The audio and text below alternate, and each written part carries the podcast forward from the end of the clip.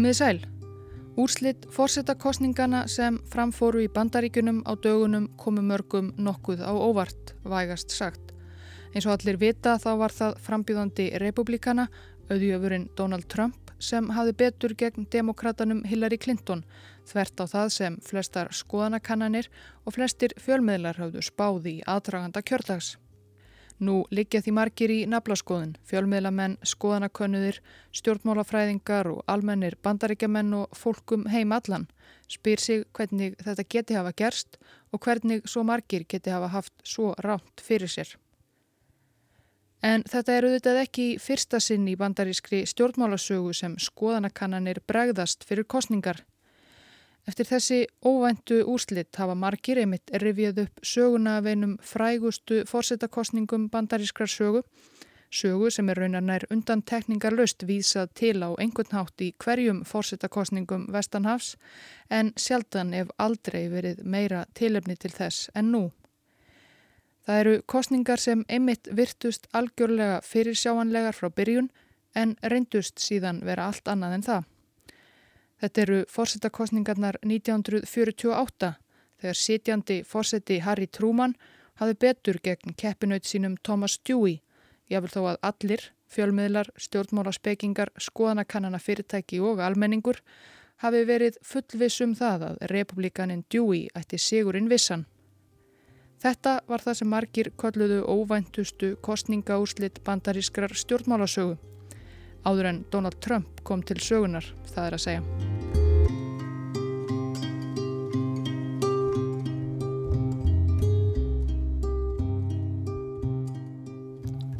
Árið 1944 segraði Franklin Delano Roosevelt í sínum fjörðu fórsetakostningum. Mót frambjóðandi hans frá republikanafloknum var ríkistjórin í New York, Thomas E. Dewey. Hann þótti vinn sætlen átti þó ekki mikinn sjens í fórsetan sem vann með örugum meirihluta eins og alltaf. Roosevelt var auðvitað öllum bandaríkjamannum kunnur en í þetta skiptið hafði hann með sér nýtt varafórsetaefni. Mörgum flokksforkólfum demokrata þótti síðasti varafórseti Roosevelts, Henry A. Wallace, ódreiknanlegur og of langt til vinstri, einlega hálgerður kommunisti pískruðu sumir og flokks forkólvarnir vissu sem var að Rósveld var orðin afar helsuveill og svo geti vel farið að hann livði ekki út fjórða kjörtímabilið. Færi svo hugnaðist forkólfunum alls ekki að Henry A. Wallace yrði fósiti svo þeir þrýstu á Rósveld að velja sér nýjan varafósita fyrir síðasta kjörtímabilið sem Rósveld varð við. Wallace let sig reyndar ekki alveg hverfa, hann á eftir að dúku upp aftur síðar í þessum þætti og gera þá nokkurn óskunda rétt eins og flokksforkólvarnir óttuðust. En í hans stað valdi Roosevelt sér öldungadeildar þingmann nokkurn frá Missouri, Harry S. Truman. S-ið stendur vel og minnst ekki fyrir neitt. Það var alvanalegt meðal bandaríkjamanna af skosk-írskum ættum á þessum tíma að gefa börnum merkingarlösa bókstafi sem millinöfn. Harry S. var alin upp í sveit og vann við hattagerðum tíma áður en hann helgaði sig stjórnmálum og demokratafloknum. Hann hafði setið á þingi frá 1935 og vakið þar nokkra aðtikli fyrir að berjast gegn sóun og spillingu í fjárútlátum til stríðsrekstrarins en þótti annars engin sérstakur skörungur. Eins og fyrr segir var Rósveld orðin mjög heilsuveill og grunur flokksforkólfana reyndist réttur. Hann livði ekki nema 82 daga af fjóruða kjörtímabili sínum. Þann 12. april 1945 um það bil sem bandaríski herin var að fara í gegnum Magdeburg á leiðsinni til Berlínar var Rósveld á setri sínu í Georgíu að sapna kröftum fyrir stopnfund saminuðu þjóðana síðar í mánuðunum en kvartaði síðdegi sundan höfðverk. Svo fjallan framfyrir sig í stólnum meðvitundarlaus og var úrskurðaður látin skömmu síðar. Trúmann varafórsiti var þá í Washington í öldungadeild Þingsins. Það hefði verið gert eftirmiðdags hlýja á Þingfundi og Trúmann var í þann mund að hella sér í glas með Þingflokksformanni demokrata þegar honum bárust áriðandi skilaboð. Hann átti að fara í kvítahúsið hið snarasta. Þar átti Trúmann helst vona á því að hitta fyrir fórsetan kannski með einhver stórtíðindi af výgvellinum í Evrópu.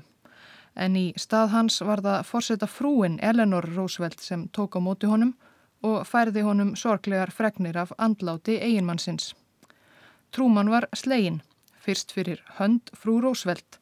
Það fyrsta sem hann spurði var hvort hann gæti gert eitthvað fyrir hanna. En ekki hann svaraði, get ég gert eitthvað fyrir þig? Nú er það þú sem liggur í því. Trúman sór embættis eið samdægurs. Af öllum lýsingum að dæma fannst honum hann sannarlega liggja í því. Hann bað meðal annars bladamenn sem voru viðstattir embættistökuna að byggja fyrir sér. Mér finnst þess að mánin, stjörnunar og öll heimintunglin hafi fallið yfir mig, bætti hann við. Fórsetatíð Trúmans var sannarlega ekki tíðinda lítil. Þegar hann tók við geysaði enn stríðum heim allan en á 61 árs amaristægin sinn þann 8. mæ 1945 gatt Trúman loks líst yfir sigri bandamanna í Evrópu. Stríðið í Asíu helt þó auðvita áfram enn. Í ágúst 1945 gaf Trúman grænt ljós á að varpa kjarnorkusprengjum á Hiroshima og Nagasaki. A short time ago an American airplane dropped one bomb on Hiroshima and destroyed its usefulness to the enemy. That bomb has more power than 20,000 tons of TNT. Gjör eyðingarmáttur atómsprengjana batt enda á styrjöldina en Trúman átti eftir að halda áfram að láta til sín taka á alþjóða vettvangi. Hann tók virkan þátt í stopnun saminuðu þjóðana og kom á fót Marsjál aðstóðinni, þeim ágæta fjáraustri til mis stríðshrjáðra ríkja Evrópu. Hann setti líka fram hérna svo nefndu trúmannkenningu sem átti að hefta útbreðslu kommunismans og takmarka áhrif Sovjetríkjana á alþjóðavettvangi og þykir á vissan hátt af að markað upphaf kaldastriðsins. Það er kannski þetta sem trúmann er helst minnst fyrir í dag, atomsprengjan og kaldastriðið. En sem fórseti stóðan ekki síður í ströngu heimaferir. Það var meira en að segja það að laga bandarískan efnahag aftur að fríðartímum eftir fimm ára kostnaðarsaman stríðsregstur. Þá hafði bandaríska verkalýsreifingin leift mörgum baráttumálum sínum að sitja á hakanum á stríðsárunum en nú þegar fríður var komin á let hún til skarar skrýða af fullum þunga. Fyrsta árið eftir stríðslokk fór meira en 5 miljónir bandaríkjamanna í margvíslegum starfstjettum í verkvall með sem aldrei hefur verið sleið og verður líklega seint sleið úr þessu. Almenningi gramtist umrótið sem verkvöllunum fyldi og vinsældir fórsetans hröpuðu hratt. Í janúar 1946 sögðust 82% aðspurðra bandaríkjamanna ánægð með störf trúmans en fimm mánuðum og ótal verkvöllum síðar voru það eins 52%. Í þingkostningum 46 byðu demokrater afhróð og republikanar lögðu undir sig báðar þingdeildir nokkuð sem ekki hafi gerst frá 1930. Fjöldi nýliða sópaðist inn á þing fyrir republikana, þar meðal nokkrir sem átt eftir að láta að sér kveða í framtíðinni eins og Joe McCarthy og Richard Nixon. Þetta varð ekki til að gera störf Trúmans auðveldari. Þingi notaði hvert tækifæri til að standa í vegi hans og republikanar á Þingi gáttu sett margvísleg lög þvert á vilja fórsitans. Þar á meðal voru umdelt lög sem settu starfsemi verkaliðsfélaga þungar skorður og heftu verkfallsrétt til muna. Trúmann reyndi að beita neitunar valdi til að hveða lögi niður en án árangurs, slíkur var máttur þingsins. Þessi lög eru enni gildi í dag.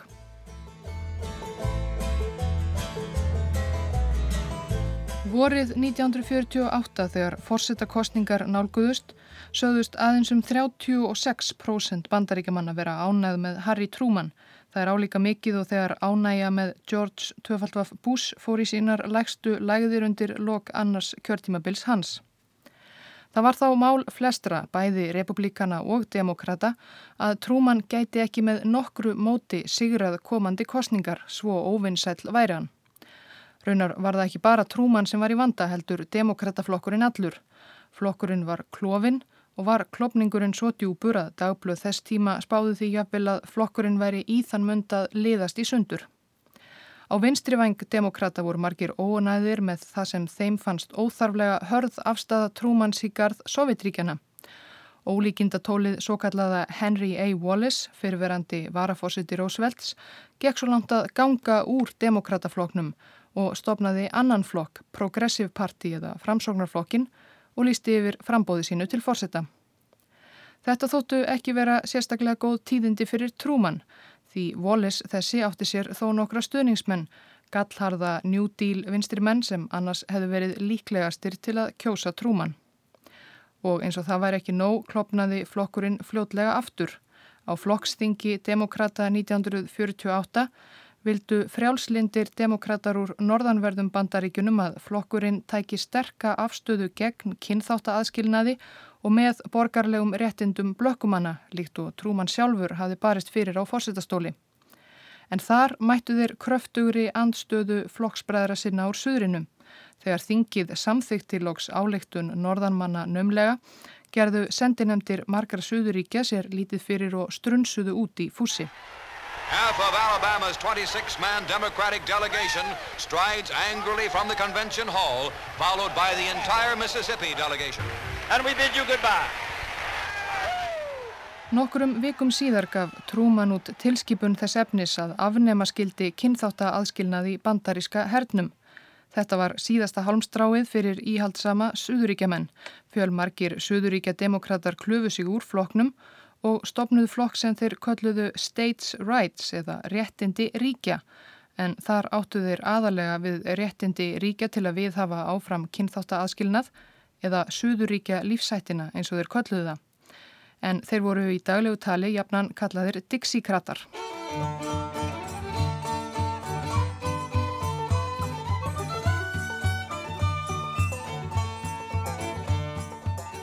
Forsetta frambjóðandi Dixi Kratana var ríkistjóri Suður Karolínu Stromnokkur Þörmond.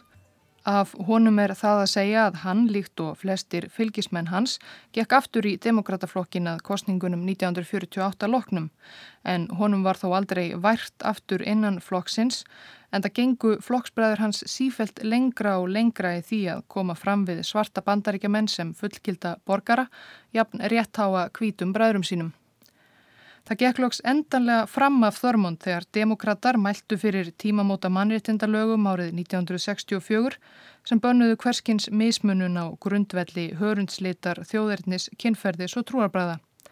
Þetta var of langt gengið, sagði Þörmund þá og gekk til liðs við Þingflokk republikana. Þar satt hann svo sem fastast, alltar til örfáum vikum fyrir andlátt sitt árið 2003 á 100. og fyrsta aldursári.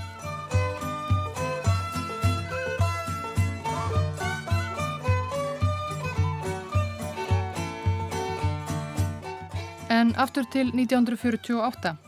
Á meðan flokkurinn molnaði bæði til vinstri og hægri leituðu margir áhyggjufullir demokrater logandi ljósi að öðru fórsetæfni sem vonandi geti saminað flokkin, já og alla bandarísku þjóðina, helst annan Roosevelt en slíkir menn voru auðvitað ekki á hverju strái.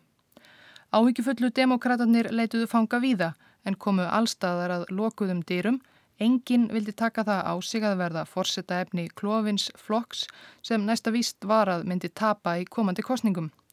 Í leitsinni að næsta Roosevelt spurðu þeir meðal annars svon hins mikla manns sjálfs, James Roosevelt sem þá var rétt færtugur, hvort hann hefði mögulega áhuga á að verða forsetta efni. Það hafði hann ekki. En sá maður sem þessir áhyggjufullu voru hvað áfjáðastir í að fá til liðs við sig var hersöðingin Dwight Eisenhower, fyrirverandi yfirmaður herabla bandaríkjana í Evrópu í heimstyrjöldinni.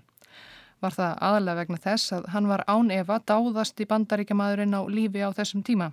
Allir elskuðu Eisenhower, auðvitað eftir hann að verða forseti ef hann gætt unnið heila heimstyrjöld, hlaut hann að geta stjórnað eins og einu landi. Engin vissi neitt um pólitískar skoðanir Eisenhowers sem hann hafi ætið þagaðum. Auðvitað átti eftir að koma upp úr durnum að hann var ekki mikill demokrati þegar hann loks varð fórseti nokkrum árum síðar varða fyrir republikanaflokkin. En þetta var áhyggjufullu demokrautunum í raun samaðum. Stofnaðar voru nefndir og samtök innan flokksins með það eina markmið að hvetja Eisenhower í fórsetan. Trúmann sjálfur let jafnvel þau bóð út ganga til hersöðingjans mikla að ef hann væri til í að verða fórseti, já þá geti Trúmann sjálfur látið sér næja varafórsetastólinn. En allt kom fyrir ekki. Eisenhower vildi alls ekki verða fórsetaefni demokrata.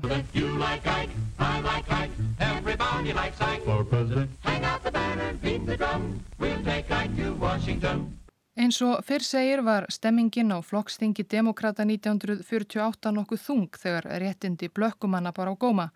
Reyndar virðist almennt ekki hafa verið mikil gleði á þinginu ef markam á frásagnir bladamanna á vettongi. Þeir lístu algjör í ringulreið og að jarðarfara svipur hafi verið á flestum fundarmönnum. Flokksbræður Trúmans yfirgáfa hann í hrönnum. Sá sem Trúman vildi helst fá sem varafórsetta efni sitt Hæstaréttar dómariða nafni William Douglas neytaði. Hann staðist ekki vilja vera annarsflokks maður fyrir mann sem sjálfur var annarsflokks. Í stað Douglas félst fulltrúadeildar þingmaður frá Kentucky, Alben Barkley, á að verða varafórsetta efni Trúmans. Og margir fjáðir stuðningsmenn flokksins sem hinga tilhauð ekki híkað við að láta dollarana flæða í kostningasjóðu demokrata letu sér nú hverfa sögðust ekki vilja eigða peningunum sínum í eins vonlausan málstað og kostningabaráttu Harry S. Trúmans. Fjárhagur demokrataflokksins hlaut mikinn skada af. Sorgmættir demokrater gáttu ekki hætt að bera Trúman-greið saman við Roosevelt sáluga og úr þeim samanburði þótti sá fyrrnemdi ekki koma vel út. Eða eins og einn bladamaður á flokkstinginu orðaði það. Roosevelt með sitt aðalsportna yfirbræð var einstaklega myndarlegur maður. Trúman með ferkantað miðvesturíkja andlit og þykk glerugu var sviplaus í útliti. Í framkomu var Rósveld lifandi dæmi um þokka og glæsileika en fast Trúmans myndi á smákaupmann. Hljómmikil rött Rósveld svo óaðfinnalegt skinnbrað á tímasetningar jók enna málsnilt hans. A date which will live in infamy. En skerandi tilbreytingarlösu Rómur Trúmans virtist taka bitið úr hverju því sem ræðu höfundar hans reyndu að fá hann til að segja. The free peoples of the world look to us for support in maintaining their freedom. If we falter in our leadership, we may endanger the peace of the world. Allt við Trúman var gjörsamlega ömurlegt í samanbörðu við Rósveld. Hann var alveg glataður. En engin betri kandidat virtist vera til staðar svo að í lok þingsins var Truman vissulega útnemdur forsetaefni demokrata. President Truman takes up the challenge in a fighting acceptance speech. I accept the nomination. Senator Barkley and I'll win this election and make these Republicans like it. Don't you forget that. Á meðan demokraterni börðust innbyrðis eða böðuð út höndum í örvæntingu vegna yfirvofandi kostningaósigurs höfðu republikanar tekið sér góðan tíma til að velja sér fórsetæfni. Fjölmarkir gafu kost á sér en það mál manna að sigur á landsvísu væri svo gott sem bókaður, tækist manni að tryggja sér útnefninguna. Hvaða republikani sem er geti rústa trúman. Reyndar var það fyrsta sem forkól í republikanafloknum gerðu að stíga líka í vengin við Dwight Eisenhower hersöfðingja. Hann var jú svo gasalega vinsæl meðal almennings og dúlegur að vinna heimstyrjaldir.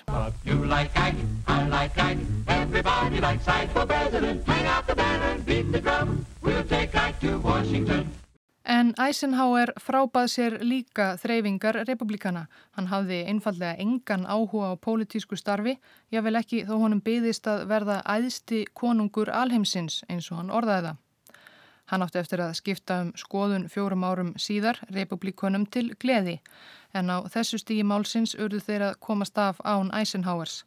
Annar herskurungur, aðisti leðtogi herabla bandaríkja manna í Asíu, Douglas MacArthur, félst reyndar á að spreita sig. Hann var á þessum tíma meira að segja svo gott sem aðisti leðtogi þjóðríkis nú þegar, það er hins sigraða Japans. En MacArthur var aldrei jafn vinsæl meðal almennings og einn gethekki Eisenhower og gekk ítla í forvali republikana. Hann reyndist skipta litlu máli þegar upp var staðið. Aðal baráttan var á milli Harolds Stassens, fyrirverandi ríkistjóra í Minnesota og rísandi stjörnu í floknum og Thomasar Dewey, ríkistjórans í New York sem beðið hafði í lægri hlut fyrir Roosevelt fjórum árum áður.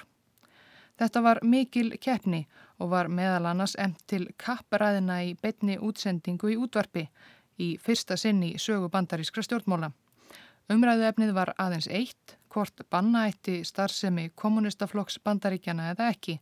Dewey vildi leifa flokkin. I am unalterably, wholeheartedly, unswervingly against any scheme to write laws outlawing people because of their religious, political, social or economic ideas. I'm against it because it's a violation of the Constitution of the United States and of the Bill of Rights and clearly so. Vösk framganga í kappræðunum var djúi mikil liftistöng og að lokum hrefti hann hið eftirsóta Noss að verða fórsetæfni republikana og fara fram gegn Trúmann.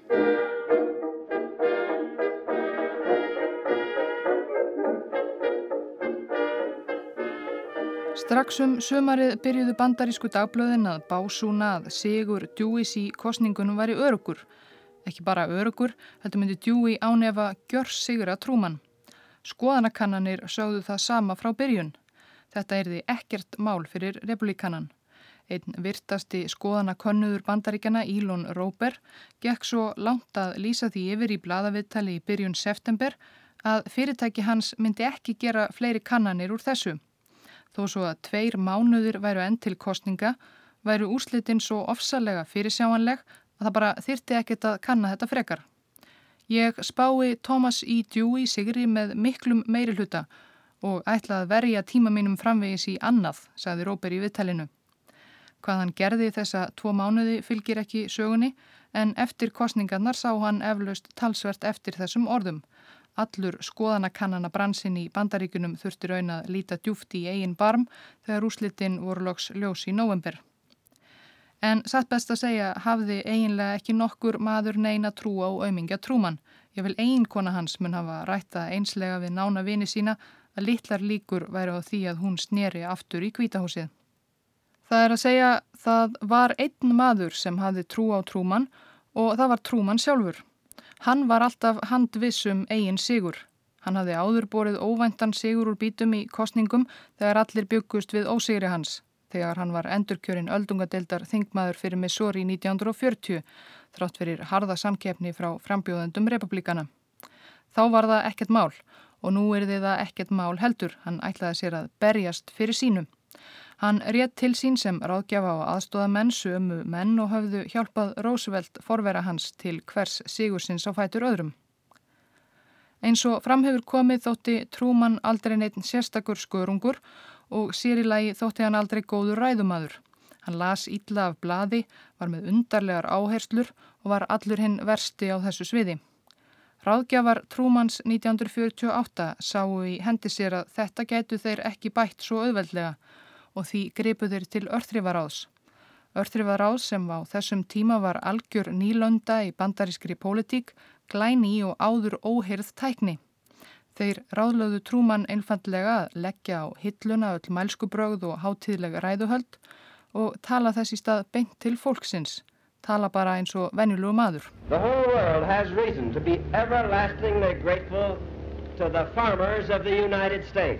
In a very real sense. The abundant harvests of this country are helping to save the world from communism. Trúmann hlíti og það vakti strax aðtegli.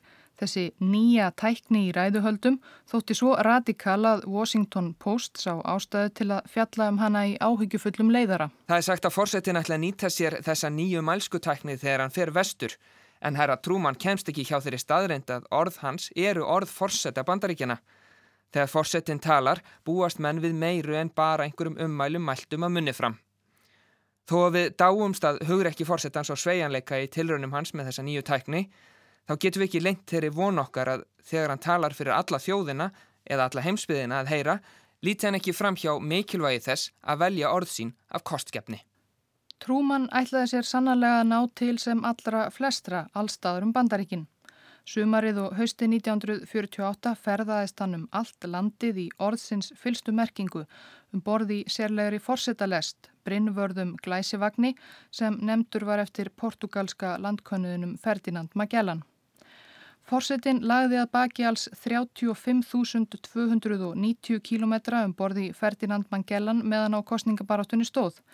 Þetta var mikið prógram, hver dagur hófst klukkan 6 að morgni og að meðaltali heimsótti fórsetin 10 bæi eða þorp á dag. Engurir höfðu áhyggjur af því að þessi mikla keirsla myndi ganga fórsetanum döðum. Hann var þegar hér var komið sögu 64 ára en hann blés á slíkt og saðist sjálfur hafa meiri áhyggjur af heilsu aðstóðamanna sinna og þrátt fyrir meintar fordæmalöysar óvinnseldir trúmans kom fólk hvarvetna saman og hlýtti á orð hans í stríðum ströymum. Tugþúsundir og jáfnvel hundruð þúsunda koma á hvern fjöldafönd fórsetans og hlítu á ávarp hans af svölum lestarvaktsins Ferdinands Magellan. Á hverjum áfangastað lagði Trúmann sig fram um að kynna sér helstu málefni í deglunni í þeim bæ. Frekar en að flytja sömu ræðuna aftur og aftur, gata hann talað beint til fólksins um hugðarefni þess og áhyggjur. Trúmann vakti svo mikla aðtikli á ferðum sínum um landið að óvíða sapnaðist fólk saman á lestarstöðum þegar orð kvisaðist út að fórsetalestin færi þar um. Jável þó alls ekki væri fyrirhugað að fórsetin ávarpaði fólk þar. Hann var þó alltaf við óskum fólksins og letað minnstakosti sjá sig á svölum lestarvaksins þó hann væri bara á náttfötunum eða í baðslopnum.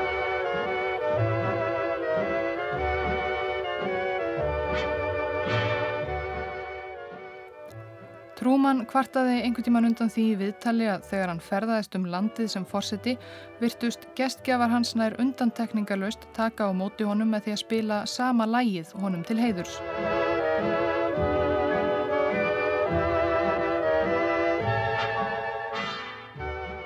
Það er enkennislag heimaríkis hans Missouri, Missouri valsinn sem hver lúðrasveit blés eða kór söng þegar fórsetan barað gardi.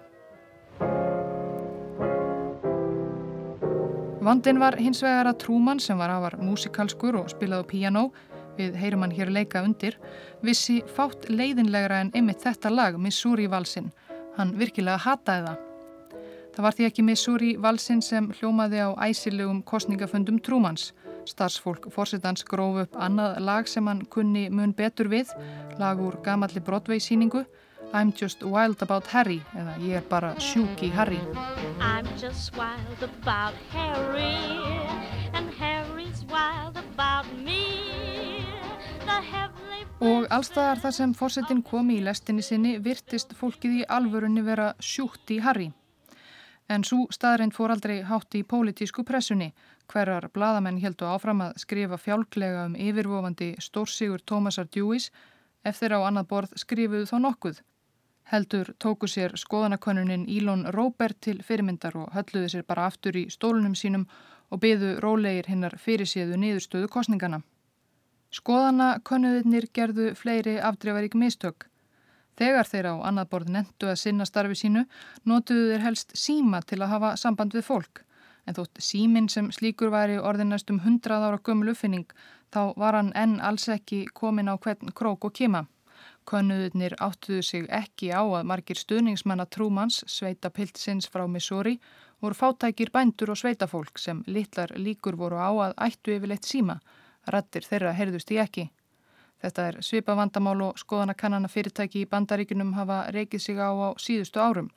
Fyrirtækin ringja mörg en bara í landlínunúmer í konunum sínum en fátt ungt fólk í dagar með landlínu. Like candy like Oh, Á meðan Trúmann ferðaðist fram og aftur um landið var anstæðingur hans, republikanin Dewey, jafn sigur viss sem fyrr. Allir helstu skoðanakonuðir bandaríkjana voru enda búinir að lýsa því yfir að sigur hans veri óhjákvæmilegur, sama hvað á gengi í kostningabarátunni.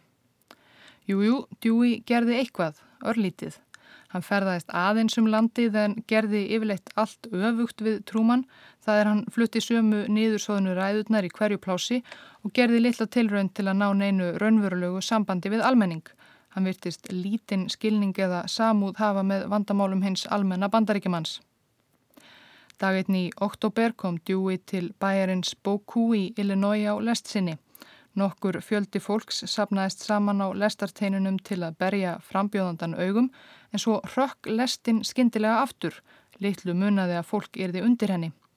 Djúi brjálaðist og útúðaði lestarstjóra sínum. Þetta er í fyrsta sinn sem ég hef haft geðsjúkling sem lestarstjóra, rópaði Djúi yfir mannfjöldan. Þetta er einlega skjóta þennan mann strax í dögun, en við hlýfum honum fyrst enginn mittist.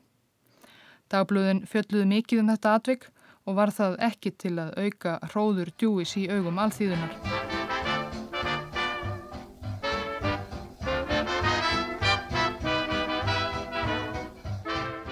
Það sem kemur kannski fyrst upp í huga hlustenda þegar minnst er á bandarísku fórsetakostningarnar 1948 er fræk fréttamind sem tekin var dægin eftir kjötag einn frægasta fréttamind bandarískrar stjórnmálasögu. Að kvöldi kjördagsins annan november tók Trúman lífinu með ró og yfirvegun.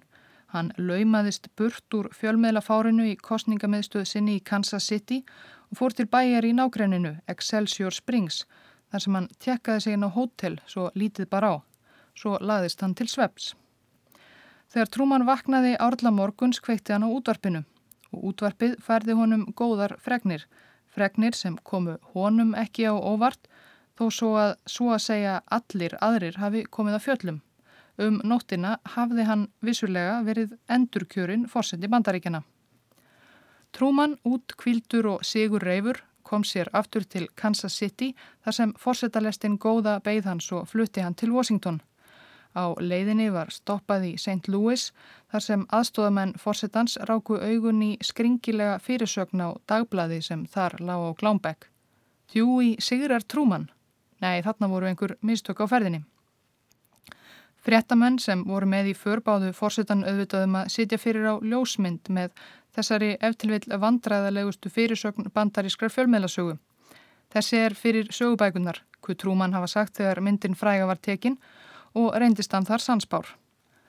Á myndinni veifar gladbeittur Harry Trúman, hann er einlega allsæll að sjá, dagbladinu Chicago Daily Tribune 3. november 1948 Forsýðu fyrirsögnin er stór og afgerandi, Dewey Sigrar Trúman. Allt í lagi, flestir hafðu verið handvissir um Sigur Deweys vikum og mánuðum fyrir kostningarnar. En hvernig gáttu bladamenn Chicago Daily Tribune gert svo vandraðileg mistök á sjálfri kostninganóttinni? Já, við heyrðum hér áðan af fordæmalauðsri öldu verkvalla sem dundi á bandaríkunum í valdatíð Trúmans og og þegar þarna er komið sögu höfðu prentarar líkt og fleiri starfstjettir verið í verkvalli mánuðum saman. Chicago Daily Tribune þurfti því að notast við aðra og tímafrekar í prentunar aðferð og því þurfti að senda bladið í prentun mörgum klukkustundum fyrir en vanin var. Þetta hafði svo sem ekki komið að sög hinga til en á kjördag var ljóst að skila þyrti bladinu í prentun löngu áður en úrslitin yrðu ljós. Og hvað gerir maður þá? Örvendingafullir bladamenn Tribjún leituðu til rittstjóran sem tók loka ákvörðun þegar leið á kvöld kjördagsins. Jú, þetta var bókað mál, auðvitað myndi djú í vinna, það vissu allir. Við prentum það bara. Þetta er ekki eins og eina villan á forsýðu Chicago Daily Tribune þennan daginn. Við nánari skoðun er ljóst að allt hefur verið á haus hjá bladinu og prenturunum. Því hluti greinana á forsýðunni er bókstaflega prentaður öfugt á haus. Þegar mistökin urðu ljós reyndu bladamennir að innkalla öll vittlösu eintökin en nokkur voru þegar farin á flakk. Fá eintök af þessu óheila bladi hafa varðveist og þau ganga nú kaupum og sölum meðal sapnara fyrir háar fjárhæðir. En það er ekki síst ljósmyndin af hinnum Sigur Reifa Trúman sem gert hefur mistök bladamannana á Chicago Daily Tribune ódöðlegum aldur og æfi.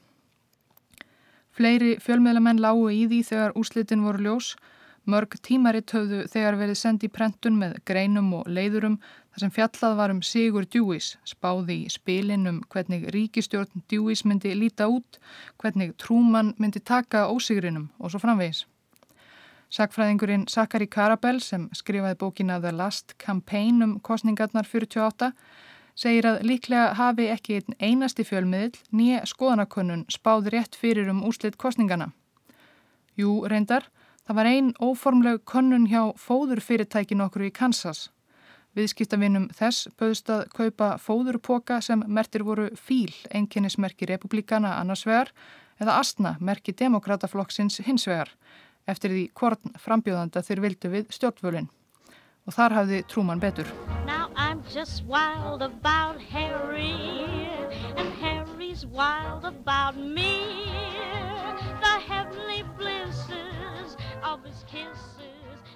Þó svo að Trúman hafi verið Sigur Viss frá upphafi er ekki hægt að líta fram hjá því að Sigur hans var naumur. Hann vann með 49,6% atkvæða gegn 45,1% djúís. Það var naumasti Sigur í bandarískum fórsetakostningum frá árinu 1916. Kjörsóknin var léleg og hafa menn leitt líkur að því að margir republikanar hafi setið heima en það vissir um að djúi myndi sigra hvortið er. Á meðan náði Trúman til demokrata jæmt í norðri sem suðri og hrefti einnig mikilvæg atkvæði bænda í miðvesturíkunum sem Dewey hafði lítið hirtum. Það varð minnár klopningsframbóðum fyrverandi demokrata. Strom Thurmond og Dixie-krattar hans unnu að vísu fjögur ríki, Alabama, Louisiana, Mississippi og Suður Karolínu með um 1.175.000 atkvæði eða 2,4%. Framsóknarflokkur Henrys Wallis fekk næstum því jafn mörg atkvæði og Dixie-krattarnir, aðeins örfa um hundruðum færri, en tókst ekki að ná meiri hluta í neinu einstöku ríki.